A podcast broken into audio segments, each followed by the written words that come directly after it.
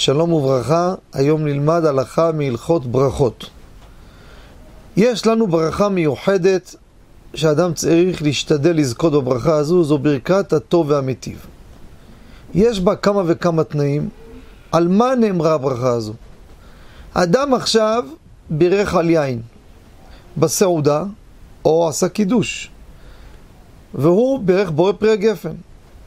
היין נשאר מהבקבוק בשולחן, ובסעודה הביאו, או הוא הביא, מהמטבח או מהארון, הביא יין אחר יותר טוב מהיין הזה. או אפילו לא ברור שהוא יותר טוב, אבל העיקר שלא יהיה לנו ברור שהוא פחות טוב.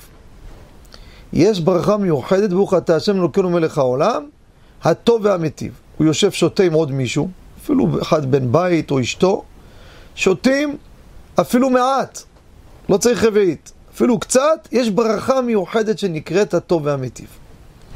עכשיו, מה קורה כשהיין הראשון היה מיץ ענבים? והיין השני והוא לא יין טוב, יין יבש, יין מתוק. הלכה למעשה, גם מיץ ענבים נחשב כיין ומברכים עליו ברכת הטוב והמיטיב. גם אם הוא השני, רק הוא יותר משובח. אבל מה שברור שהשני אסור שיהיה יותר גרוע. לדוגמה, אם היין הראשון למשל היה יין לא מבושל, והשני יין יותר יקר ממנו פי מאה, אבל יש לו בעיה אחת, הוא יין מבושל או מפוסטר. יין מבושל, בהגדרה שלו יותר גרוע מהראשון. ואז אין פה הטוב והמיטיב. צריך שהיין השני לא יהיה פחות גרוע, שלא יהיה השני גרוע מהראשון.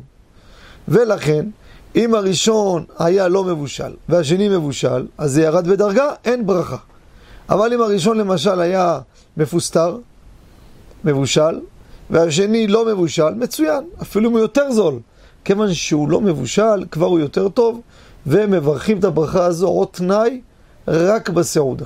סתם יושבים שותים, אין את הברכה הזו. תודה רבה וכל טוב.